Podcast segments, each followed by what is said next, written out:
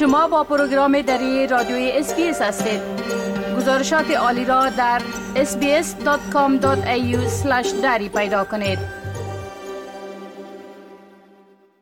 حال با جاوید روستاپور خبرنگار برنامه دری برای جنوب آسیا. به تماس هستیم که اونا طبق معمول درباره تازه ترین رویدادها در ارتباط به افغانستان صحبت می‌کنن. آقای روستاپور سلام عرض می کنم خب گزارش شده که یک عده از مقامات حکومت سابق که طالبا اونا را دعوت کرده بود و به افغانستان برگشته بودن گفتم میشه که اونا دوباره کشور تر یک تعدادشان ترک کرده. بله؟ با سلام وقت شما بخیر آقای شکیب. بله شماری از افراد و مقامات حکومت پیشین که از طریق کمیسیون تماس با شخصیت ها که از طریق حکومت طالبان ایجاد شده بود و به افغانستان برگشته بودند. کشور را تعدادشان ترک کردند و گفتند مشکلات امنیتی داشتند و نتوانستند که در افغانستان بمانند و مجبور شدند که دوباره افغانستان را ترک کنند. این چهرهای سیاسی همچنان گفتند با وجودی که کارت عفو عمومی دریافت کرده بودند.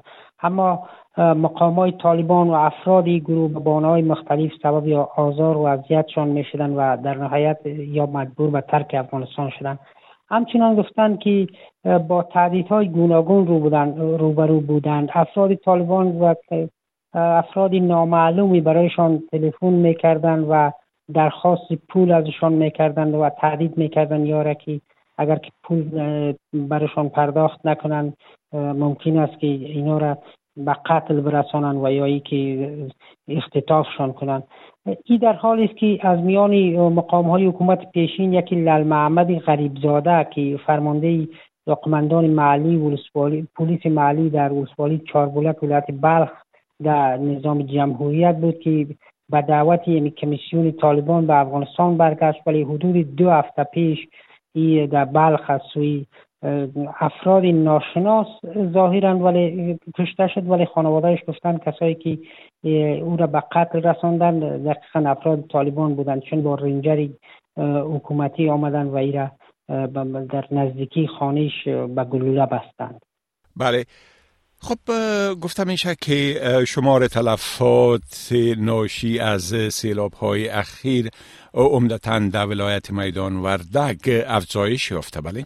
بله دقیقا شمار تلفات سیلاب های اخیر تنها در میدان وردک و کابل بر بنیاد گزارش ها به چهل تن رسیده. به اساس آماری که طالبان منتشر کردن این سیلاب ها در ولسوالی پغمان کابل و در ولسوالی در چند ولسوالی میدان وردک از دو روز به این طرف که بارندگی های شدید جریان داشت سبب تلفات افراد شده.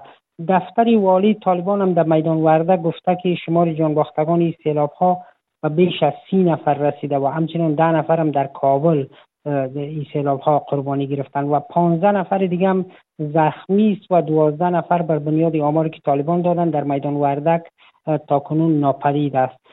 همچنان این سیلاب ها ده ها خانه را ویران کرده و همچنان شمار زیادی از زمین های زراعتی و باغات باغهایی که درختان مسمیر داشتن یا همچنان نابود کرده. این در حال است که بر بنیاد گزارش ها از آغاز سال جاری خورشیدی تا کنون در پی سیلاب ها بیش از 300 نفر در سراسر افغانستان کشته شدند و حدودی 540 نفر بر بنیاد گزارش ها زخم برداشتند. وزارت دولت در امور حوادث طبعی طالبان هم گفته که در پی این سیلاب و پانزده خانه مسکونی به صورت کلی در سراسر افغانستان تخریب شده و حدود 3800 راست مواشی نیز تلفات داشته و بیش از 41 هزار جریب زمین زراعتی و باغهای میوجات در پی این سیلاب ها از بین رفته. بله خب گفتم میشه که استخبارات طالبا شاروال میمنه و مرکز ولایت فاریا بازداشت کرده می‌تونین در این باره یک مقدار تفصیلات بتین که علت چی بوده؟ استخبارات طالبان شاروال میمنه را به اتهام فروش زمین های دولتی بازداشت کرده منابع گفتند که طالبان استخبارات طالبان در مرکز ولایت فاریاب محیب الله موفق. شاروال گروه به اتهام فروش سی, سی هزار متر مربع زمین های دولتی در نایه سوم شهر میمنه مرکز ولایت فاریاب بازداشت کرده با گفته منابع چهار نفر از زمین فروشان که با شاروال همدست بودند نیز از طرف استخبارات طالبان بازداشت شدند.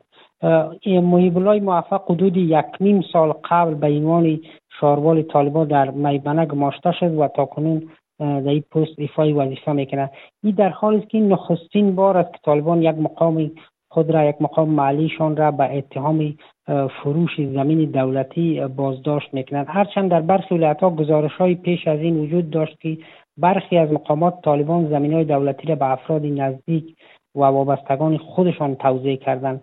ولی تا کنون هیچ یک از مقامات طالبان چه در مرکز و یا ولایات به اتهام فروش زمین و یا اینکه دستور به ملکیت های دولتی زده باشه بازداشت نکردند.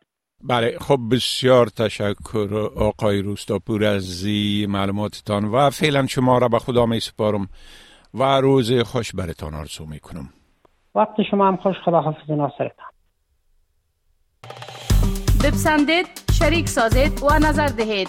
اسپیس دری را در فیسبوک تعقیب کنید.